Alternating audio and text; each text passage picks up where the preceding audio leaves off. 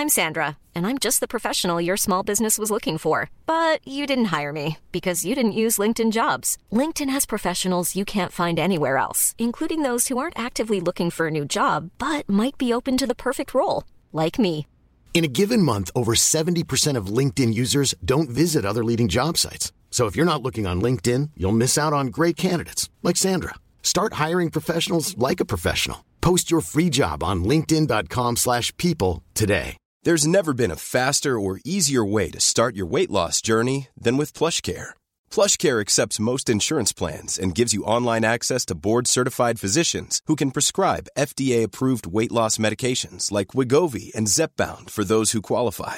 Take charge of your health and speak with a board-certified physician about a weight loss plan that's right for you. Get started today at plushcare.com slash weight loss. That's plushcare.com slash weight loss. plushcare.com slash weight loss.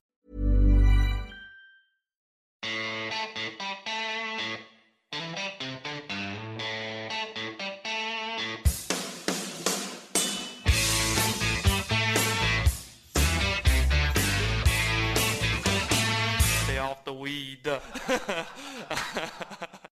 Og endelig tilbake, Marius. Selv om vi må vel innrømme at verken eh, i- Eller verken, sa jeg. At ingen av oss er helt eh, oppe og nikker formmessig. Men eh, eh, jeg er nå på plass i Charlotte for Wells Fargo Championship. Og det har vel vært nesten tre uker siden forrige pod, så det var på tide. Hvordan går det med helsa di? Jo, jeg skulle gjerne vært på plass i Charlotte litt varmere vær, for jeg høres ut som jeg har drukket whisky i et par, par runder her. Nei, sånn er det med små barn som er syke, så er det bare å vente på å få det selv. Så det smalt jo ganske greit den 1. mai-helgen. Ja. Men nå er det back in action, og det, det hjelper faktisk på humøret. Det må jeg innrømme. Ja, det gjør det. Jeg hadde selv en eh, Apropos whisky, jeg hadde vel et par eh, drinker sammen med Billy Foster på veien over. eh, og det gjorde vel at min stemme òg har blitt litt rusten siden, det. Men nei da. Billy han var en hedersmann til fytti grisen for en fyr. Altså, dere satt for, helt forrest i flyet sammen, ja. Eh, vi satt i cockpit. ja. Billy var litt redd. Det var det jeg tenkte. Nei da, det var, det var gøy, det. Det er bra. Eh, men eh, det har jo skjedd litt siden sist. Hvis vi bare skal oppsummere kjapt, så kjenner vel de fleste til at Viktor eh, åpna i eh, Masters-stil, skal vi kalle det det, på RBC Heritage. Men etter det så så han mer ut som en eh, hobbygolfer på, på Bærum golfklubb. ja. Til tider. Tidvis så var det litt hobbygolfstandard over det som ble levert der. I hvert fall spesielt på eh, lørdagens tredje runde. Han eh, holdt jo fredagen ganske bra sammen, tross litt svakere spill enn torsdagen. Men lørdagen var jo, eh, som vi har vært inne med på Twitter, og sånt, en av de verste, svakeste rundene sånn statistisk sett over hele fjøla. Så det, den var ikke veldig imponerende. og det var ikke så mye som skulle til for å svare på en mer positiv måte på søndag, i og for seg, men eh, med, den, med den starten så, så er det en skuffende, skuffende turnering sånn sett at han ikke klarer å holde, holde det bedre med når alt så så bra ut på, på torsdagen der. Så lørdagen var jo helt katastrofe, rett og slett. Helt, eh, helt rull, rullegardin av en golfrunde, og det, det skjer dessverre det en gang iblant. Men eh, nei, det var ikke så pent. Nei, jeg skal jo forhåpentligvis få noen ord med Viktor senere i dag, så jeg tenkte faktisk å Ikke at jeg skal spørre han ut om, om den lørdagen, men eh, det er jo et veldig sjeldent syn. Altså, jeg tror aldri Jeg tror ikke vi har vært vitne til en sånn runde fra Viktor på PGA-turen foreløpig. Nei, absolutt ikke. Så det var eh, det, det som er litt sånn ja, Hvilket riktig ord man skal bruke, da, men eh, overraskende. Eh, fordi vi er ikke vant til å se den type, da. Altså, det var jo som jeg, sagt, det, som jeg sa, hans svakeste runde. Tapte vel rett over fem og et halvt slag eh, på green, bare. Det er jo helt, eh, helt sinnssykt, faktisk. Og tapte vel også totalt sett rundt 8,2 slag tror jeg, totalt. Og det var ikke, da, så det er ikke sånn at det spiltes kjempetøft. Det var jo absolutt mulig å, å levere gode scorer der, så ja, en helt fryktelig runde, rett og slett. Så det bare kan ha vært Det kan ha lukter, det lukter litt mental eh, utladning. Ja, det kan være litt spennende å høre hva han som selv tenker når du har fått det litt på avstand. da. Som Mm. man, hvordan Spørsmålet vår blir hvordan bruker man en sånn runde til noe positivt? Altså hva man Hva får man ut av en sånn runde? Er det bare å glemme det, eller, eller skal man liksom faktisk sette seg ned og, og, tenke seg litt gjennom hvordan man kunne løst ting bedre her? For det, det er det ikke noe tvil om at man kunne gjort. Mm. Nei, det er interessant sånn sett. Men uh, når det først ikke var, um, var Viktor som gikk til topp, så var det jo greit at det, det var din mann, Matt Fitzpatrick, som gjorde det. Yes. Uh, en deilig vaffel rett i nebbet der. Ja, ja den, skal, den, den skal cashes inn når anledningen byr seg.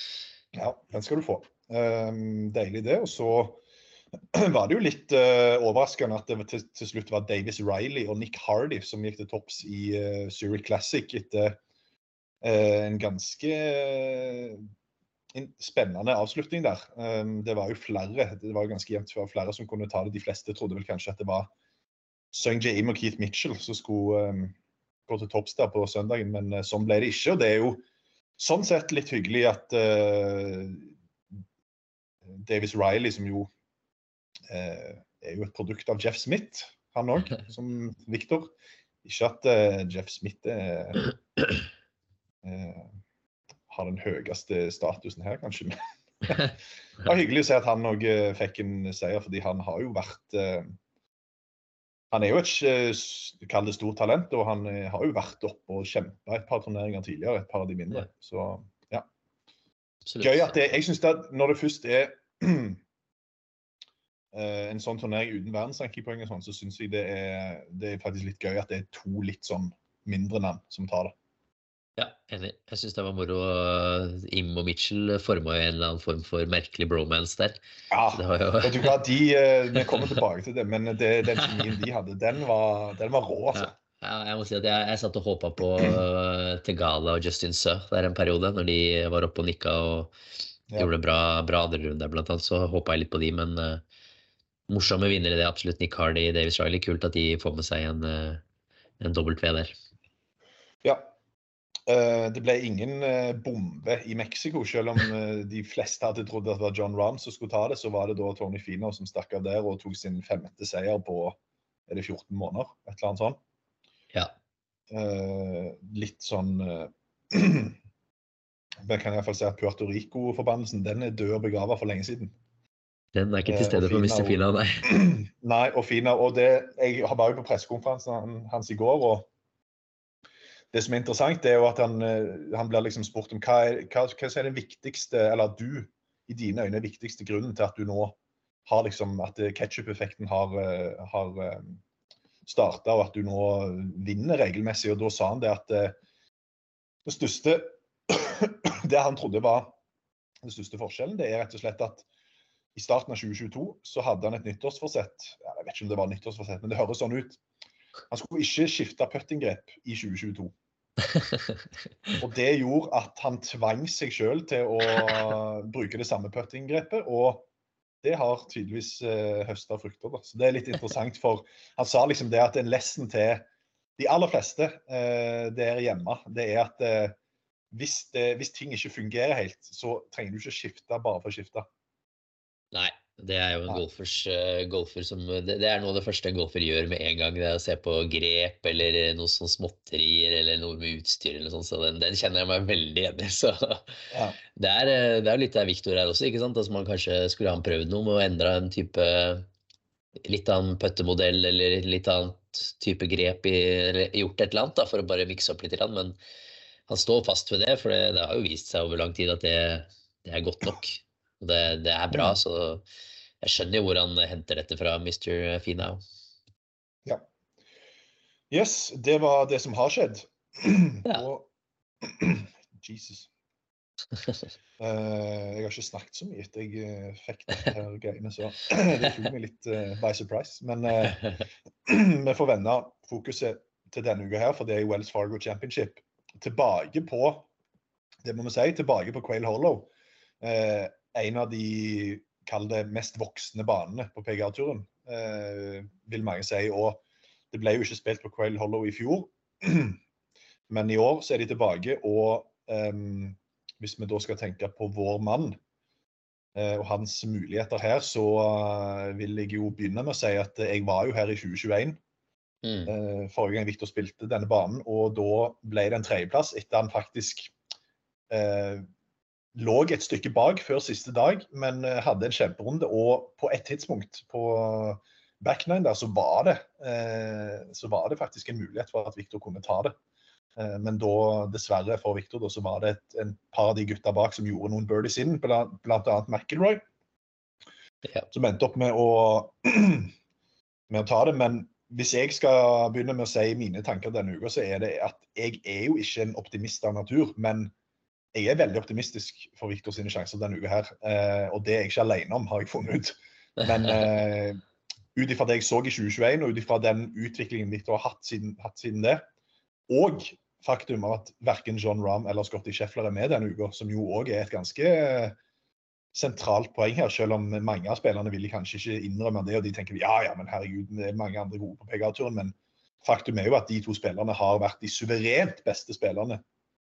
Kanskje i tillegg til McIlroy litt sånn altså er det at jeg er veldig stor optimist, og så er jeg litt spent på å høre hva du syns.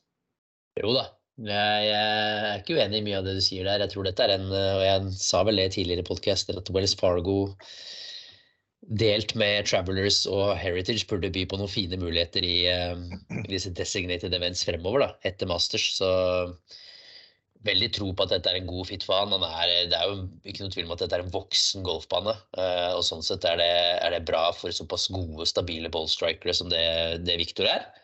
Det tror jeg er veldig fint. Uh, og viser også det i 2021, som du sa, at han da har en positiv opplevelse fra banen. Spilte fire stabile, gode runder med en god siste runde. Da gikk vel 69, 72, 68, 67, minus 8. To slag bak McIlroy bare med en god siste mm. Masse positivitet der. Og så er jo spørsmålstegnet bare hvor, hvor, hvor er Viktor? I form av, ja, det er jo det eneste i form av det, det men, mentale så er han nok der, Der begynner vi å kjenne godt nok til å vite at etter to uker, to uker off, så er han spillesugen. Det, der begynner vi å kjenne han. Men hvor er han golfmessig? Er den lille touchen der? Har det vært bra på trening? Eh, da må jeg innrømme at jeg ikke har eh, gjort en god nok jobb i forhold til å grave og spørre han litt. Jeg har latt han være i fred, for jeg bruker jo bruker sende han noen meldinger før uka kommer. Men eh, jeg vil anta og tro, og det får vi vite når du snakker med nå, at han er ganske klar for å prestere og spille igjen nå. Altså etter, etter litt sånn skuffelse i Heritage der, så vil jeg tro at han er veldig veldig klar for å konkurrere igjen nå. Det, nå kommer det masse godbiter framover nå. Vi har denne, vi har PGA Championship om to uker, så har du Memorial to uker etter der igjen. Og så kommer den lille sommerpausen som han sikkert kommer til å tilbringe i Norge, som han liker å gjøre, og så er det en uh, superfinish igjen, så det kommer masse høydepunkter. Så jeg vil tro at uh, han er veldig, veldig spilleklar. Ja, det er jo som du sier, den eneste lille usikkerheten er jo med tanke på det, det siste han har prestert, da kan du si. Hvordan Our Heritage ble avslutta, og liksom OK, hvordan er det med både state of mind, men òg eh, Ja, har han på en måte klart å resette skikkelig, og er han tilbake der? Eh, han f.eks. var på Augusta, da, sånn, eh, når det gjelder det. Så nei, jeg er eh, veldig optimistisk. Og som jeg var inne på, så deler jeg jo ikke den optimismen. Nei, så deler jeg den optimismen fordi eh, jeg var litt rundt og snakka med ulike um, kall det eksperter i går. Og jeg var faktisk innom Draft Kings er det vel mange som kjenner til. Det er jo en sånn bettingside med masse fantasy-greier og sånn som er det er vel den største i USA, iallfall på golf.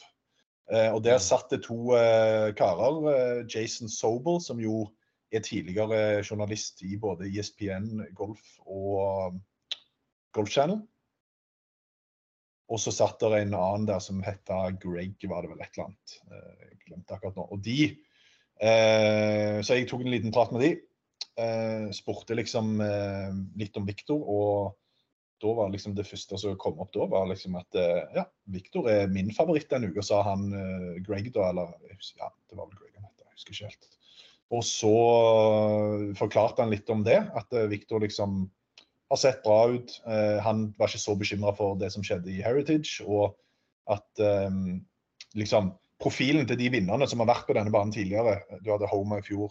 nei, du har Homa i 2019, du hadde McIlroy i 2021 den passer jo bra til Victor at nærspillet, du er ikke så avhengig av nærspillet. Det handler mer om ballstriking og det å få i gang putteren. og da sa Jason Sobel det at eh, vet du hva, jeg, har, jeg, elsker egentlig å krangle med deg og være uenig med deg, men denne uka her så er jeg faktisk ikke det. Eh, da, faktisk, da, må jeg faktisk innrømme at jeg er enig. og eh, de to, eh, både Han òg tok jo fram Viktor og um, pekte jo på det at eh, nærspillet hans, eh, selv om han liksom han var nummer 191 i fjor, var det vel han nevnte, og er nummer 163 i år. og det er sånn, Akkurat det virker ikke så mye, men så kom han inn på det at han har faktisk tjent eh, nesten et halvt slag mer enn det han gjorde i fjor per runde. Og det er ganske betydelig, hvis du ser på det i det lange. Da. Så de hadde iallfall troen. Og jeg ser jo òg at eh, jeg undersøkte litt andre bettingsider og andre rankingsider. og De fleste av de nevner jo Victor på et eller annet eh, vis. Så jeg så Rob Bolton hadde jo Victor på topp fem på power-rankingen. Så Eh, det er, det er mye, eh, mye snakk om Viktor her ute, og kanskje med god grunn, da, med tanke både på historikken og i tillegg da, den formen han hadde fram til, frem til lørdagen da, i, i, Heritage. Ja, ja. Altså, han har jo ikke bomma en cut nå i, i, år i det hele tatt. 15 måneder er forrige gang han mista en cut i, i USA på PGA-turen. Ikke sant? Hvis man, hvis man, leser hvis Jeg skal ikke lese gjennom alle rundene han har spilt så langt i år, men uh, det er ikke veldig mange dårlige golfrunder her, altså. Vi har, uh, liksom, vi har en 74 i Masters, vi har den 78-runden i Heritage, og vi har en 75-runde i Arnold Palmer. Det er vel egentlig det av uh, svake runder. Altså ordentlig svake mm. runder. Og av turneringene han har spilt, har fortsatt ikke fullført én en eneste turnering over par. Han er liksom 12 under, 7 under, 16, 16, 17, 10, 2, 5, 5, 10, 6, 1. Uh, og matchplay var kanskje litt svakere, da, men uh, ikke, vi snakker ikke om noe formdupp her, altså. Det, det, er ikke i nærheten av det. Det er bare det at det, det, mangler, den, det mangler, den, lille ekstra, ikke sant. Det lille som mm. Ja. En seier, så løfter det. Du ser jo du ser Ram, du ser Fina, og du ser de som vinner. Og en seier, så løfter det litt, enda litt opp. Det gir noe ekstra i selvtillit, og det gir noe ekstra i selvfølgelig i eh, resultatboka med tanke på penger og poeng og alt sånt, men det gir noe ekstra da, å få med seg en seier når du først gjør gode prestasjoner og spiller bra. og Den har ikke, den har ikke kommet da, dessverre. Nei, jeg var faktisk uh, med i podkasten til Asbjørn og i går, Indre bane. Uh, litt, uh, og da snakket vi om akkurat det du nevner her, at min take på det da var jo liksom at Eh, nå har det jo faktisk vært en del store turneringer som Viktor har vært nære i. Noen mm. av de, eh, som vi har snakket om tidligere, burde han faktisk ha vunnet. F.eks. Arnold Palmer, eh, nesten både i fjor og i år, spør du meg. Mm. Eh, og da er det jo klart at eh, Viktor er jo, som vi kjenner han, veldig sterk mentalt. Han er en spiller som, han er en type som lar veldig lite påvirke seg. Er veldig god til å glemme ting fort. Men det er jo klart at han er jo et menneske, han òg. Og når du da når du begynner å line seg opp med søndager der du på en eller annen måte du, OK, du, du choker ikke kanskje, men du, liksom, du får ikke ut potensialet ditt, og du gjør et par sånne feil som du ellers ikke gjør. Mm. Da må du begynne å snike seg inn en slags sånn i bakhodet. hans òg, liksom OK, hvis han nå sier han nå er jeg i, der oppe denne søndagen òg, da. Litt spent på akkurat det. Eh, fordi at klart, eh, skjer det nok ganger, så, så, hjelper det ikke hvor mentalt sterk du er. Da, da begynner de tankene å, å, krype inn uansett. Ja, absolutt. Helt, helt klart. Og det, det, er sånne tanker som, som, du sier, det kommer uansett. Og det er, ikke, det er nesten umulig å unngå for ethvert menneske å ikke tenke konsekvens i en såpass presset situasjon. Men noen klarer å bruke det riktig. ikke sant? Noen klarer det OK, ja, men sånn er det. Så, ja, det er det som er fakta nå. Nå får jeg bare konsentrere meg om å slå det syvjernet her og gjøre akkurat det jeg har gjort alle andre ganger når jeg har slått det syvjernet denne uken, der, for da har det gått bra. Det er jo det de beste klarer å gjøre. ikke sant? De bare glemmer De, de tenker garantert på resultatene, og de sier de noe annet, så ljuger de. Det er jeg 100% sikker på. Men når det mm. kommer til det å faktisk sette den tometeren, eller slå det slaget, så er det det de fokuserer på. Da klarer de å, å fokusere på det. Uh, og det er jo det vi i Victor normalt sett er ganske bra til. Og som sikkert da kanskje har vært litt svingninger, men det er jo ikke unormalt. Det, det vil alle ha. Så ser jeg hvordan det kniper seg for Mackel hver gang han tråkker inn porten på, på Augusta. ikke sant? Plutselig så mister han jo alt. For da all mm. fokuset, på, all fokuset er på at nå skal jeg liksom complete the career grand slam, og så bare binder alt seg.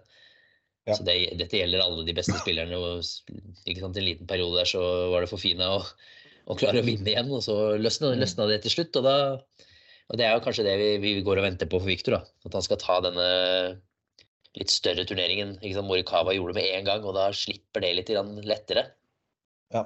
Eh, hvis, ikke sant, hvis, med, hvis eh, Victor går ut eh, delt ledelse med speed eller shuffle eller noe sånt på søndag nå og tar det, da gir det en ekstra liten Ja, det gir en ekstra god følelse. Mm. Nei, jeg er, jeg er litt der nå at uh, hvis Viktor får seg den kall det store tittelen, da, som han mangler, uh, så kommer det en slags sånn eh, Kanskje ikke en ketsjup-effekt, men da tror jeg da tror jeg han bryter en sånn barriere som gjør at det fort kan komme flere eh, med ikke så veldig store mellomrom. Men det er jo klart at det å vinne en stor turnering er jo ikke bare bare. Men eh, nei, vi har jo sett det før. Og det som var eh, jeg, snakket, jeg hørte jo på intervju med Rory i går. Han sa jo det at eh, den Masters-uka den tok knekken på han rett og slett. Det, han måtte rett og slett bare ta en, en lengre pause. Det var jo folk som spurte seg hvorfor han da ikke stilte opp på Heritage uka etterpå, i og med at han allerede hadde stått over Century. Så ifølge regelverket så skal han jo da misse ut på denne PIP-bonusen. Eh, og det virker det som han gjør òg, men han sa det at det, det var verdt det. Fordi eh, jeg var så mentally drained, og jeg trengte bare De tolv siste månedene hadde vært såpass eh, en påkjenning. Så det, eh, det er jo eh, mye, eh, mye faktorer inne i spillet. her, Og um, mistanken min med tanke på Victor sin minikollaps i, i Heritage er jo at det ble den Masters-uka òg tok mye krefter. Men eh, ja, vi får høre med han. Ja. Det er jo han som sitter med svaret. Det er det. Um, men um, det er jo en snakkis at verken John Rahm eller Scotty Scheffler er med denne uka, som da gjør at Victor f.eks. er et navn som, som bringes opp. Men eh, de all, alle de andre kanonene er jo med. Eh, Rory bl.a. blant annet, som er tilbake igjen. og eh, vi kan jo ta en liten kikk på power-rankingen som, det- som vi pleier. og Der eh, må jeg si at jeg ble litt overraska når jeg så eh, eh, Jeg hadde forventa å se han høyt oppe, men at Jason Day var nummer én, det var litt overraskende. Ja, den der eh, Den går vel på litt sånn eh, tidligere resultater. At han, både med at han har spilt bedre golf nå i det siste, og at han kommer til et sted hvor han har veldig god erfaring og veldig masse gode minner. Så, så det er vel det de, det de bygger det på, rett og slett. da. At det har vært en stund siden han har vunnet, men at han nå kommer inn til en turnering han normalt sett gjør det veldig veldig bra i, i veldig veldig god form. Ja. Det er vel det de bygger, bygger det på. Så det kan jo, kan jo kjøpe den, men jeg, at han er den største favoritten, det, den eh, ville jeg ikke vært så veldig enig i. da. Jeg tror jeg kunne funnet Hvem er din største favoritt? Jeg tror jeg ville sett på spillere som uh, Cantley, McIlroy, Schoffele, Speeth, Hovland, Homa. Og de, jeg ville Ja. satt ganske mange av de foran han. Mm. Eh, I hvert fall Homa, Shoffle, Cantley, McIlroy tror jeg det, så jeg hadde sagt foran deg. Ja. Speed hadde jeg jo sett foran. Ja, jeg hadde jo egentlig det, så jeg syns ikke et Finau Rart å sette han nesten ut til topp ti, bare fordi Ja, si det bare fordi han vant bare fordi han vant forrige uke. Han vant jo to på rad i fjor i løpet av sommeren der, så Jeg tror nok Så, det som ja. taler mot Finau, er at uh, han har ikke veldig god track record på, på Quail Hollow. Som faktisk er litt rart, da, med tanke på at den Du skulle jo tro at den passa At den passa han godt på han. Men alle de du er inne på her, er jo på power-rankingen. Du har vel nevnt alle. Åtte av ti i topp ti, og de to siste er Fitzpatrick og Ricky Fowler. Eh, Det hadde jo vært veldig gøy med Ricky Fowler hvis han hadde klart å levere Eh. Han har jo vært oppe og nikka eh, i år, og det er jo veldig gøy å se. Men han har liksom ikke vært helt i contention ennå. Ja. Eh, så det hadde vært kult hvis han eh, Det var jo her han vant sin første seier på PGA-turen for elleve år siden. Det er ganske sykt å tenke på. ja, det hadde vært noe nostalgisk ved det der. Ja. For å satse på at han stiller opp i full oransje kit eh, denne søndagen òg. Ja, det må han jo nesten gjøre, da. Ja, han må det. Um, er det noen, hvis vi bare skal ta det kjapt før vi går videre, er det noen sånne litt bak i lekser som du har troen på? Dette, det er jo, dette er jo en bane som kanskje ikke vil Der kanskje ikke en sånn sjokkseier vil komme, med tanke på hvordan han spilles og at han er såpass krevende. Men eh, jeg, apropos det, så må jeg bare si at eh, når jeg snakket bitte litt med Skje i går, så sa han at den banen spilles veldig tøff i år. Ja. Eh, nå er det jo meldt litt nedbør uh, fredag og lørdag, og det kan jo myke det litt opp. Men uh, han kan ikke huske forrige gang Quail Hollow spilte så tøff. Så det er ikke så mye som tyder på at vi skal få en sånn Cinderella story her denne uka her. Men jeg vet ikke om du har noen som du kanskje tror kan komme fra dypet og bare overraske? Nei, det er jo det er tusenkronersspørsmål, holdt jeg på å si. Det De har jo sneket inn Keith Mitchell som på powerrankingen. Han Ja. gjorde det jo veldig bra i 2021 her. eh, Og ledet vel også lenge der. Og, og gjorde det også en bra turnering sammen med Sung Jame i lagturneringen. Så det er jo et, et navn som kanskje man kan eh, se litt på. Eh, Han var min Så- eh, min òg. Ja, og så går man jo og venter på Cameron Young sin første seier. Når kommer den? Ja. Den uh, må jo komme før eller senere. Uh, spent på Tommy Fleetwood, som jeg syns har hatt noen litt ålreite prestasjoner i det siste. Og kan jo være en spiller som kan gjøre det bra når det er litt tøffere forhold. Forventer også at Morikawa snart vinner igjen. Men blir det ordentlig tøft, så kan man jo kanskje se på noe sånn Shane Lowry eller noe sånt. Det er jo sånn som liker det hvis det blir ordentlig Absolutt. ordentlig tøft. Eh, så håper Eh. jeg at eh, så håper jeg at Justin Sø ja. Jeg mener vel jeg så han på startstreken. Ja. Så håper jeg selvfølgelig at han han gjør det bra. Hei litt på han. Ja. ja. Jeg, jeg har jeg noterte tre navn. Jeg noterte Keith Mitchell, jeg noterte Corey Connors. Ja. som jo er en Han er liksom Han er alt, alltid en spiller som kan plutselig ta fyr på sånne baner som dette. Ja. Eh, og så Hvem var den siste jeg noterte her? Det var eh, Herregud. Søren Jim. Jeg syns det var rart at han ikke var på power rankingen, faktisk. Ja. ikke det at han er Ja, ja, nei, Just, Justin Thomas er vel ikke på power rankingen heller. Han har jo vist seg ganske Han har også vist seg vass dersom tøff, forholdene blir tøffe. Ja, han har jo putta seg kråka i år, da. Så det, ja, hvis han har fått gang på putteren, så kan det jo skje ting. Det kan skje. Ja. Uh, skal vi ta bitte litt om banen, da? Vi har jo vært inne på den, men uh, det er jo en big Jeg husker i 20, når vi forrige gang var, så kalte du det en big boy golf course. Det er en voksen golfbane. Hva er det som karakteriserer um, Quail Hollow? Ja, det, det man snakker om der, ja, Big Boy Golf Course, det er jo den lengdemessig så er den jo så er den jo voksen i, i form av hvordan den, den spilles. Eh, minus 10 var scoren i 2021, så da var det også ganske seig røff. Eh, og tøff sånn sett, så er det været selvfølgelig avhengig av da, men det er jo disse Den har jo alt, den banen her òg. den har dramatikk på par femhull, den har nåbare par firehull, den har vann i spill, den har tøff avslutning. Eh, spesielt de tre siste hullene spiltes vel eh, nesten et slag over par i 2021. Eh, nesten bare et halvt slag over par var vel eh, det siste hullet. Hull nummer 18, så det er vel i hovedsak de tre hullene man snakker om. Man tenker litt sånn der, eh, de som kalles the green mile, er det vel de Mm. kalles, hvis jeg husker riktig? Stemmer det? Stemmer det. Men det er en voksen golfbane i form av at du er nødt til å ha et uh, godt slagspill, altså et langt spill, for å komme deg rundt. Uh, og, og være in contention, rett og slett. Det, det er jeg ganske overbevist om at du er nødt til å ha. Ja.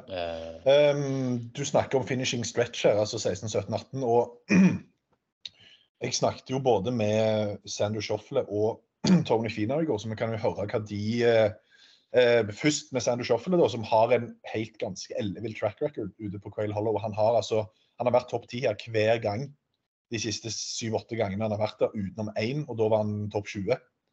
Eh, Så vi kan jo høre hva han både mener er nøkkelen til å lykkes her ute, og så kan vi høre hva både han og Tony Fina syns om denne avslutningen, da, som eh, en av de mener faktisk er den tøffeste på PGA-turen. So, Sander, um, back at Quail Hollow, where you have a fantastic track record, what what do you think that uh, boils down to? Uh, it's a it's a big big championship course. Um, you have to be pretty solid throughout the bag, and I mean that's probably why I I mean I don't feel like I have an amazing record here, but probably why I have a pretty solid record here.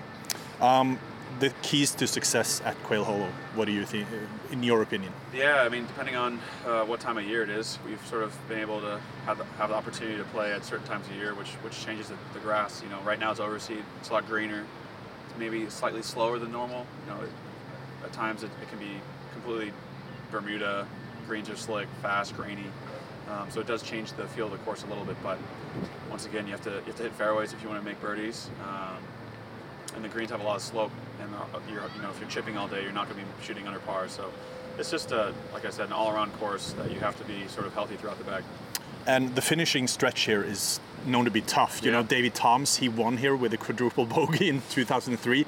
What, what is it that makes the finishing stretch so hard? Yeah, I mean, you have 16, which is a beast now. It's over 500 yards, par four. The bunker that sort of sits right in the landing area. You got 17, which is a beast of a par three water surrounding the entire left side of the hole. And 18, that creek is so small, but it just engulfs golf balls uh, all day long, and everyone that tries to, you know, kind of favor the right side. And if you favor too far right, you're in the trees, kind of laying up on a 500-yard par four as well. So, um, length and uh, intimidation off the tee and into greens is, is, sort of what makes it so hard coming in.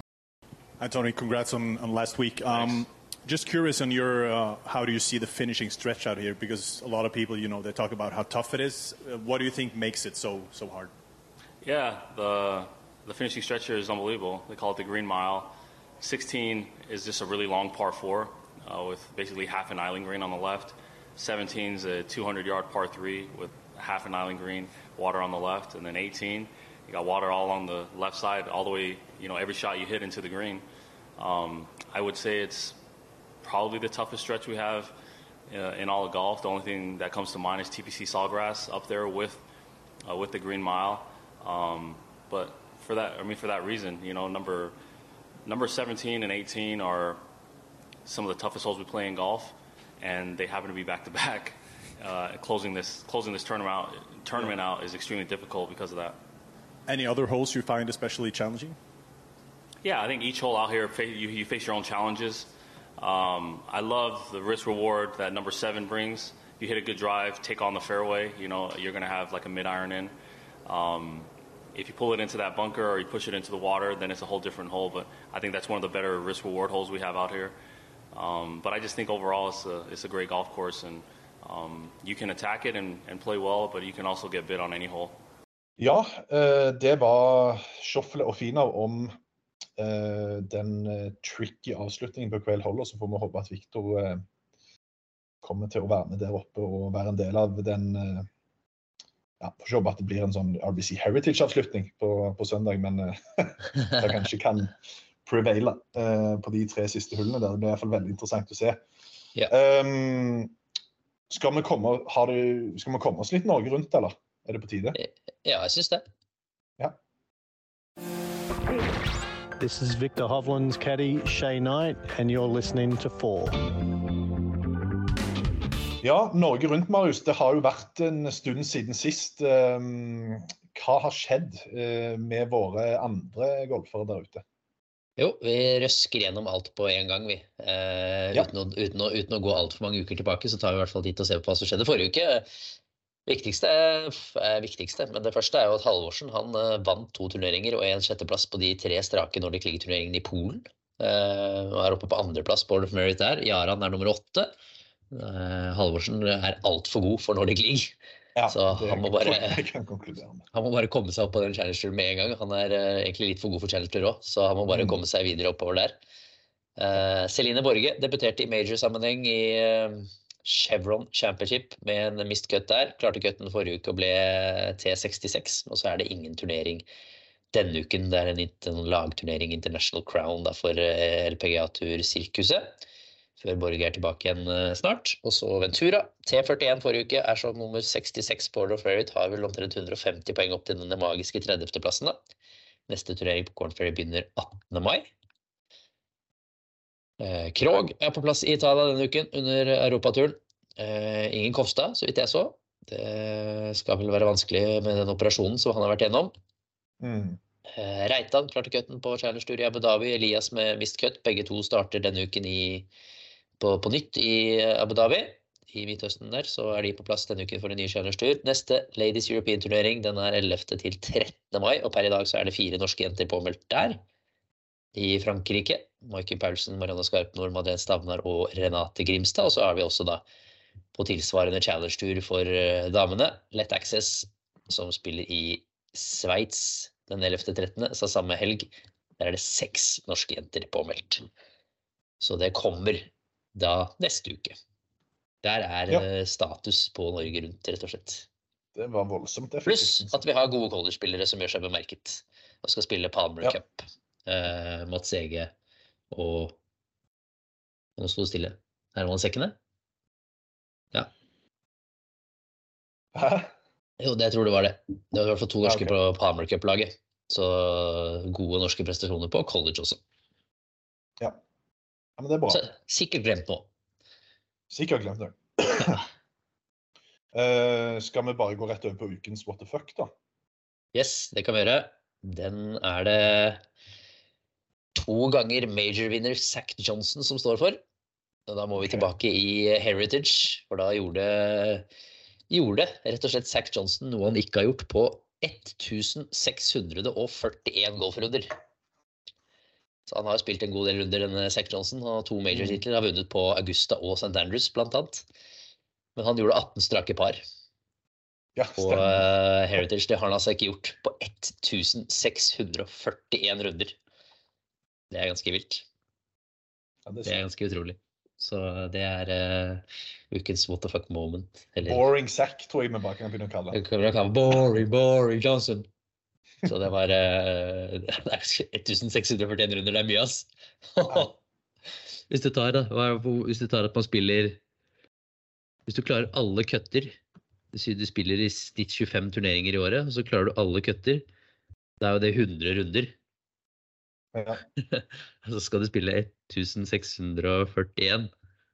Så da får du jo da Ja, det er jo helt sjukt. Det er vel oppe i noe 17 år eller et eller annet, da. Ja, det er sykt. Det er vilt.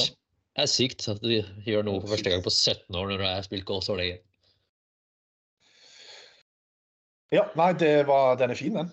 Um, Fin, hopper vi bare videre på spaltene, da. Ja, gjør det. Hallo, folkens. Vektor her. Dere hører på Norges mest amatørmessige podkast. Enjoy. Herregud, så vondt. Det blir ikke mer boogie enn det her. Er det mulig?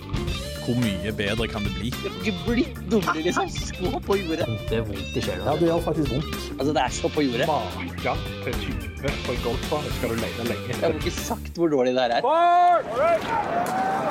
Ja, Marius. eh, Det har gått eh, en stund nå. Du har fått tid til å grave etter en fryktelig variant på boogie-sida. Nå er jeg spent. Ja, Patrick Reed, nei da. Kunne jo tatt Patrick Reed, for han har gjort, Ja. gjort noe tu- tu- tullerier. Men eh, jeg hadde skrevet en helt til jeg kom til denne uken, og så da hvem som har tatt bagen til Patrick Cantley. Ja, for det må vi snakke om. Og det er bog... bog Altså, selve Joe LaCava er jo ikke boogie. Eh, men å gå fra Altså, Patrick Cantley er i vinden, det kan man jo si, da. Mm. Eh, jeg skjønner jo at han vil jobbe, men nå skal han da altså gå Nå har han gått og sett på Tiger så vidt klarer å gå rundt en bane nå de siste nå skal han altså gå med Patrick Cantley hver eneste uke. Han begynner å bli litt oppi åra, Jolo Cava. Nå kommer han til å bli enda eldre av å gå rundt sammen med Patrick Cantley i det siste. For det, det var jo han ikke hadde tiden- hår fra før. ja, det året hadde vært borte hvis han ikke var skalla fra før, ja. Så det var jo, det var jo eh, noen som drev og tok tiden på Cantley i publikum der i Heritage, hvor de sto med klokka og sånn. Det var, opp, var jo og snusa på to minutter enkelte ganger, ikke sant. Så den bagen der han, ja, Jeg skjønner jo at du tar den, for han leverer jo sånne resultater, men eh, nå skal han få han skal få jobbe litt, da. Joe Lacava med tålmodigheten sin videre her nå. Ja, nei, det er Så egentlig var jo boogie til Patrick Cantley, faktisk, når jeg tenker meg om. Ja. Nei, det er, jo, eh, det er jo spennende. Og folk tenkte jo selvfølgelig med en gang at når Lakava meldte overgang til, til Cantley permanent, at eh, nå, er, nå legger Tiger opp. Men uh, ifølge Lakava sjøl så gjør han ikke det. Uh, men uh, han hadde ringt Tiger faktisk og sagt, når han fikk tilbudet, og spurt Tiger, og da sa Tiger at du hadde du, you, would, you, you, you would have been stupid to not say no, eller et eller annet sånt. Ja. Jeg skulle ja. Jeg håp- Jeg håpet at Tiger skulle dratt en sånn eh, time joke, men eh, ja, det hadde vært enda kulere. Ja.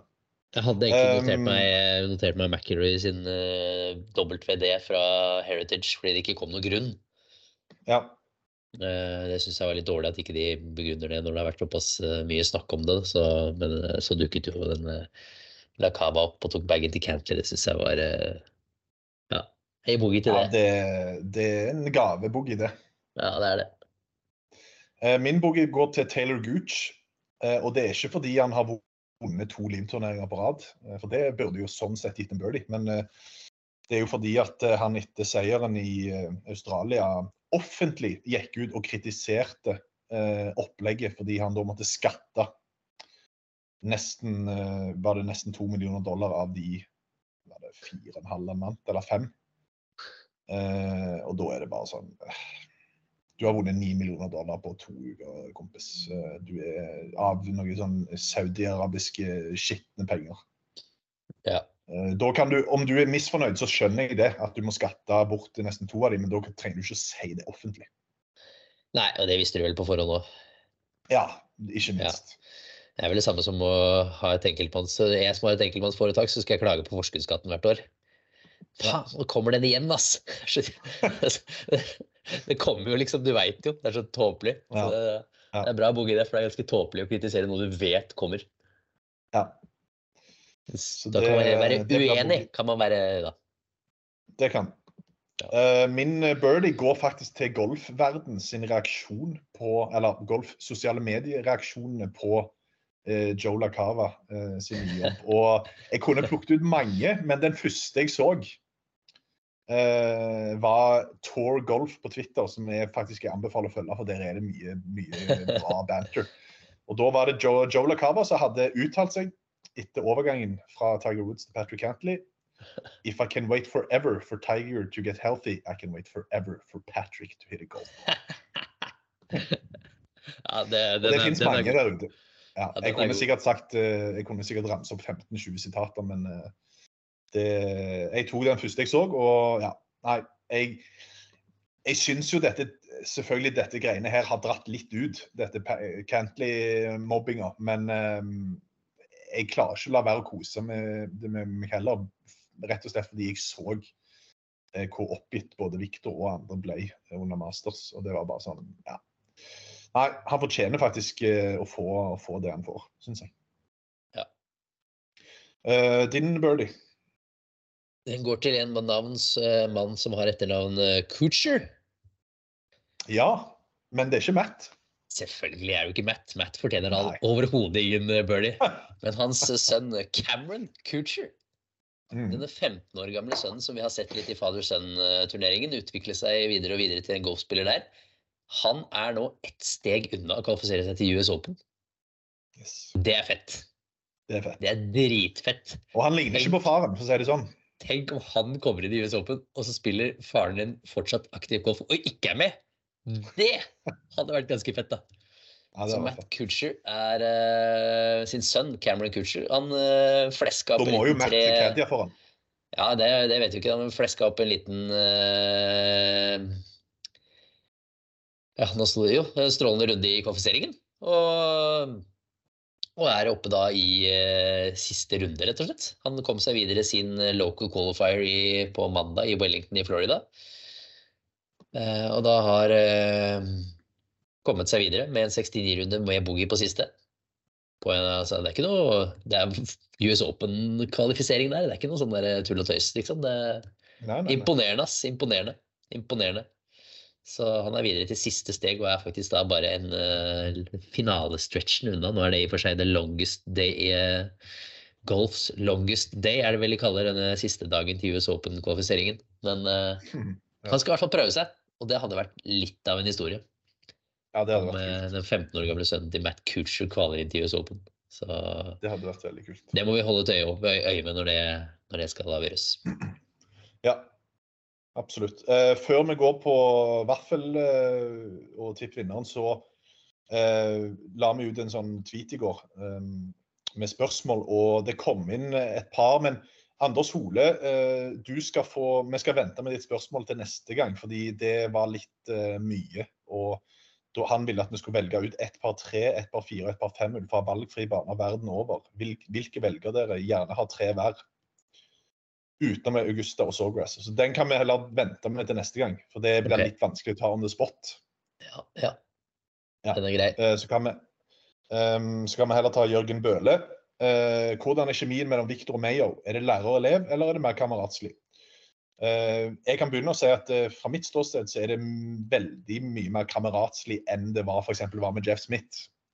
Uh, der var det mer lærerelev.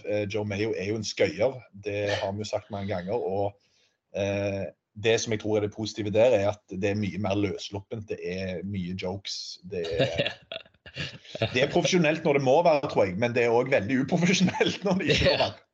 Jeg så han på en Instagram-post i går, Joe Mayo, hvor han hadde tatt bilde av dass, dassen på hotellrommet han bodde i denne uka her, hvor det da liksom den eh, flush-knappen lå midt på var midt på do.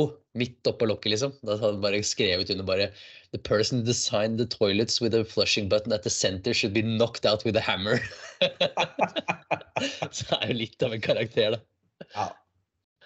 Så, Det- ja, det er litt av en men, eh, nei, ja, han, er jo, han er veldig energisk og lidenskapelig og veldig på. Mm. Uh, så det er jo positivt. Han bryr seg veldig. Nesten litt for mye. Eh, men Ja, det- det kan du si Ja. Ja, nei, jeg kan jo også at eh, jeg snakket jo en del med faren til Viktor i, i Masters, og han eh, var veldig eh, fan av òg. Ja. Eh, og det, det var litt sånn Jeg tenkte OK, han, det er klart faren til Viktor litt sånn stille og rolig fyr, og så kommer Mayo inn der, den bråk, den brautebøtta. Men eh, de hadde hatt, spist middag, og de hadde kost seg, så det eh, Jeg tenker når, når far Hovland er fornøyd med, med Ja. nye mann, så, så lover jo det veldig bra. Ja, jeg tror det går mye på liksom, Victor sin del at kompetansen og det, det han uh, formidler og ønsker at Victor skal gjøre, går veldig overens med, med det han selv føler er riktig. Så de er på samme Mm. bølgelengde der, og det, det er jo en ypperlig start. da, At man da kan tulle og tøyse og, tulle, tulle og tøyse og ha et godt forhold ved siden av, det er jo da et stort, stort pluss. Eh, Rune Skår Aase han har et litt mer fagspørsmål som du kan svare på. Um, han la merke til at de amerikanske kommentatorene snakka litt om den spesielle grainen på greenene på Heritage, og at det påvirker puttelinjene. Tror dere at dette kan ha påvirka Victor, og at aimpoint i seg selv ikke tar hensyn til dette? Ja, det er jo en faktor. En ekstra faktor. Du kan jo, for Hvis du bruker føttene dine så må, på aimpoint, så måler du, så er det for å beregne hellingen i grinden, ikke hvilken vei gresset vokser. Mm. Så det er jo en faktor du er nødt til å ta inn. Eh, og er det mye grain, så kan det, kan det fjerne ut tellinger, Så det kan gjøre det vanskeligere sånn sett. Det kan det. Så god observasjon, det. Grain er, eh, Ja. grain er en tøff ting å ta hensyn til eh, hvis det er mye av det. Jeg har spilt på noen griner i Sør-Afrika som med helt enorme mengder grain, og da kan du ha putter som heller én meter fra høyre til venstre, som plutselig er heller halvparten så mye. Og det er ganske vanskelig å beregne, og hvis du da ikke finner ut av det med en gang, så blir det, så blir det tøft, ass. Da blir det skikkelig tøft. Så helt klart at det kan være en faktor, ja. Bra.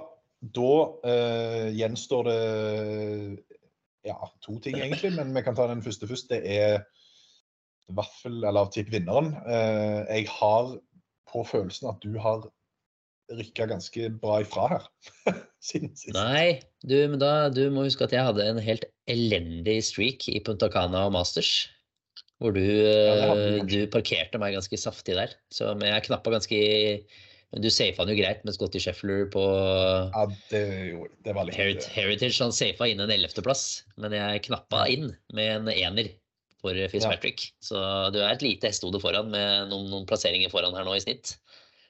Mm. Så jeg har fortsatt litt jobb å gjøre. Uh, hvem var det som starta i Heritage? Nei, det husker jeg ikke. Det var meg. du, tror jeg. Jeg tror det var meg. Da kan du starte nå, da. Ja, for jeg, jeg, jeg har litt på følelsen etter det du snakket om eh, tidligere på den, at vi har det samme. Ja. Eh, jeg har Cameron Young. Nei, det har jeg ikke. Da kan du få den. OK. Eh, Har du, du har ikke Mitchell, har du det? Nei, jeg har gått på uh, Shoffle. Ja. Det er ikke dumt. Jeg har gått på. Det er, nå er det en stund siden han har vunnet, føler jeg. Så jeg, Mm. jeg føler det kommer et eller annet der, altså. Og ja, det her passer han ypperlig å komme til den banen her, da. Ja, eh, det var egentlig han jeg var redd for at du skulle ta. Så ja. Nei da, men det var bra, det. Da blir det Cameron Young mot Sandy Shoffle. Ja. Eh, og så, siden det er en elevated event, og siden det er en stund til neste Er det ikke en stund til neste? Det er en stund til Memorial.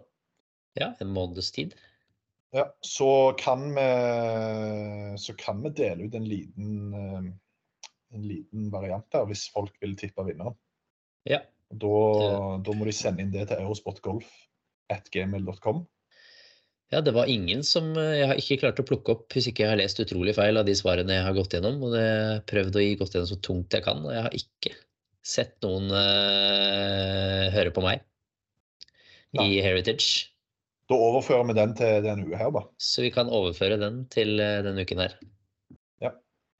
Så da er det bare å sende inn det til aerosportgolf.gmil.com før Viktor slår ut, kan vi si, på fredag. Nei, på torsdag. Nei, Ja. det var 19.05 det på torsdag. Ja. Det var kanskje litt seint. Eh, vi kan sette fristen klokka to med norsk tid på torsdag. 14.00. Ja. Ja, den er grei. Den er grei. Da er det bare sendetider som gjenstår. De kan jeg ta kjapt. Eh, Det er da feature groups på Discovery Pluss eh, fra halv to torsdag og fredag, og fra kvart på to lørdag og søndag. Så er det hovedsending eh, både på Discovery Pluss og Eurosport Norge torsdag og fredag 8 til midnatt, og lørdag og søndag 19 til midnatt. Og så er jo spørsmålet, da For det første, blir det egen Hovland-sending? Det blir i alle fall egen Hovland-sending på fredag. I og med at da vises hele runden hans eh, på, på Fisher Groups-feeden. Så da blir det, tipper det blir Hovland-sending fra rundt halv to. Nei, rundt ett. Kvart over ett. Det kommer vi tilbake til. Det blir annonsert på Twitter eh, i dag. Eh, vi skal ha et møte om dette her litt eh, om ikke så veldig lenge, så det kommer ut da. Og så er jo spørsmålet eh, torsdag. eh, da går jo Viktor ut klokka syv, og det som er litt skinkig der, det er at klokka åtte altså, Viktor sin gruppe vil bli plukka opp når morgengruppen er ferdig. Det betyr at vi sannsynligvis får eh, utslagene på hull 1 osv. Men problemet er at eh, klokka åtte, når hovedsendingen starter, så resettes jo en del av disse streamene. Som sikkert folk har lagt merke til eh, etter at ISPN tok over. Og det som skjer da, det er at eh, Victor sin gruppe eh, er den som ikke følges på en egen feed eh, utenom hovedsendingen. da. Så det, må, der må vi rett og slett uh, ha en liten diskusjon i dag og se hva vi kommer fram til. Um, om vi da pakker inn hovedsendingen. At vi Ja. da har studio rundt den. Uh, det kan fort bli det mest sannsynlige. Uh, at dere da kommer inn litt og kommenterer på Victor sine slag underveis. Det kan vel fort være det, ja. Eh, det er jo klart at jeg òg kommer til å være ute og filme, så vi kommer til å få slagene hans. Men Ja. Om det da om det da er verdt å ha en egen sending der det kun blir litt slag her og der, altså, ja, det må vi se an. Det bestemmer senere i dag, så da jeg kommer med min forhånd. Men eh, at du skal få se alle slagene til Viktor, det får du. Men om det blir eh, egen Hovland-sending, eller om det blir som en del av hovedsendingen, det gjenstår å se. Ja. All right. Da er vi klare. Da skal jeg eh, komme meg ut til banen og forhåpentligvis få snakket med vår mann og sett litt av Pro-M-en. Han slår ut om en og en halv time. Ja. Så det blir nice. Eh, bare ni hull i dag på Pro-M-en. Det er jo en gave. Ja, det er enda godt. Ja. Det har vært 18 hull litt for mange ganger nå. Ja, det er helt enig med deg. 18 Pro-M, det 18 Pro-am, det er eh, Jeg endrer boogien min til 18 Pro-am. ja, det, jeg kunne hatt boogien min gjennom hele året etter til 18 hulls pro-am. Ja. Jeg avslutter, avslutter med å gi uh, boogie til 18 Pro-am. Ja, deilig det.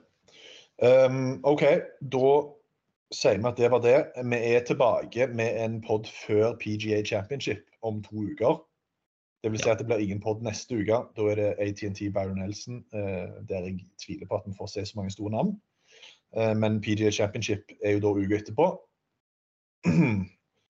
Så det blir nice. Eh, Ja. Oak Hill Country Club i New York. Det er litt kult. Ja. Ja. Og så er det da ei ukes pause igjen før Memorial første uke i juni, og da er det planen at både du og Karsten skal bort der.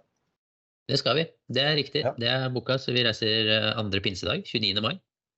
Ja, det er kult. Da får vi dere to der nede, og så Da blir det, da blir det, da blir det show. Da blir det show. Og så er det jo US Open og sannsynligvis Travelers før han da vender snuten hjem til Norge etter det. Ja, stemmer bra. Ja, Nei, men det er bra. Da gleder vi oss til ny uke med Viktor, forhåpentligvis i contention ute på, um, ute på Quail Hollow. Jeg har troen, du har troen, eh, eksperten har troen. Det betyr vel kun at det kan gå én vei. Men uh, forhåpentligvis da har han rista av seg Ingen tør å si det. Ingen tør å Nei, si det. nei, nei. nei. Forhåpentligvis har han rista av seg RBC, uh, RBC-følelsen fra de siste dagene. Så satser vi på at det, det smeller fra dag én. Nå nå har han jo et rykte å opprettholde her på dag én. Så ingenting mer enn, mindre enn en syv under-åpning her på torsdag er akseptabelt. Kjør!